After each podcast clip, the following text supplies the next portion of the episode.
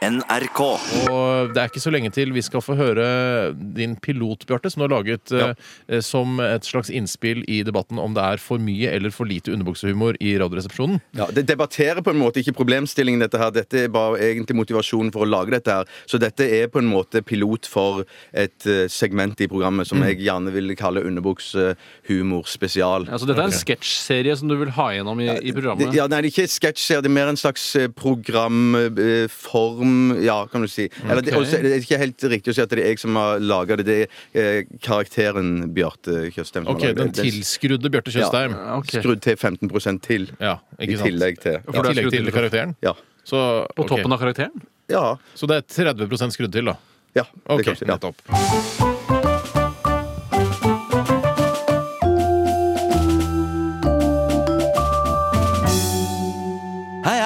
Velkommen til Radioresepsjonens underbuksehumorspesial. Her i denne delen av programmet, som jeg har kalt for Underbuksehumorspesial, kommer jeg til å fokusere bare på underbuksehumor.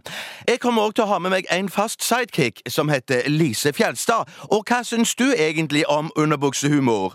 Nei, jeg syns det er helt på trynet. Okay. Jeg syns det er uforskammet, jeg syns det er dumt, okay. og jeg syns det er en manneting. ok. Akkurat, ja. akkurat. Nei, vi er visst ikke helt på bølgelengde der på humorfronten, men det kommer sikkert til å gå seg til etter hvert. Her i Underbuksehumor spesial kommer jeg til å ha med meg forskjellige løgne figurer. Blant annet en som heter Bjarne Rumpenes, som er plaga med at det brenner i underbuksa hans. Og, og da mener jeg ikke at han går rundt med en halvhard en. Nei, for det gjør han ikke. Nei, for det brenner faktisk bokstavelig talt i underbuksa hans. Ja, vær så god, unge mann. Eh, La meg få et VG. Og, og, og 20 Prins Indian Summer. Ja, ja, Bjarne Rumpenes der, altså. Nå liker du vel underbuksehumor, Lise Fjelstad? Nei, jeg syns det er helt på trynet. Men jeg syns det er uforskammet, jeg syns det er dumt, og jeg syns det er en manneting. OK, OK. ok Dere fikk sikkert med dere Arbeiderpartisekretær Martin Kolberg sin tale på statsministeren sin 50-årsdag. Ja, Men la dere merke til han publikummeren som ropte et eller annet ifra salen. Hør på dette her.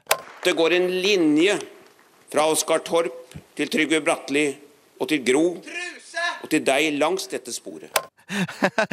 Ja, ikke så kanonlett å høre, kanskje, men nå har jeg faktisk forsterka lyden ganske kraftig akkurat der det ropes ifra salen. Hør på det her! Til Trygve Bratteli og til Gro Truse! og til deg langs dette sporet. Ja, det var faktisk en som ropte 'truse' ifra salen. Jeg ler meg i hjel. Underbuksehumor, er det løye, eller? Sidekick Elise Fjelstad? Nei, jeg syns det er helt på trynet, og jeg syns det er en manneting. Ja, ja, ja, slapp nå av. Ja, Vi nærmer oss slutten av Underbuksehumor spesial, men vi må ha med oss et musikalsk innslag. Fløytefjerten han spiller på panfløyte så vakkert at publikum blir Nei, de blir ikke våte i trusa. Nei, nei, for de blir faktisk slappe i ringen. Ja, hør på det her.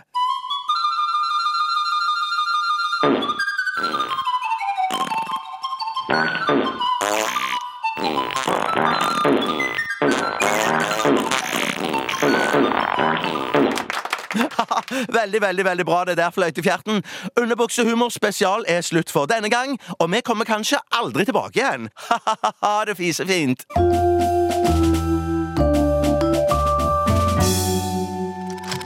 Radioresepsjonen.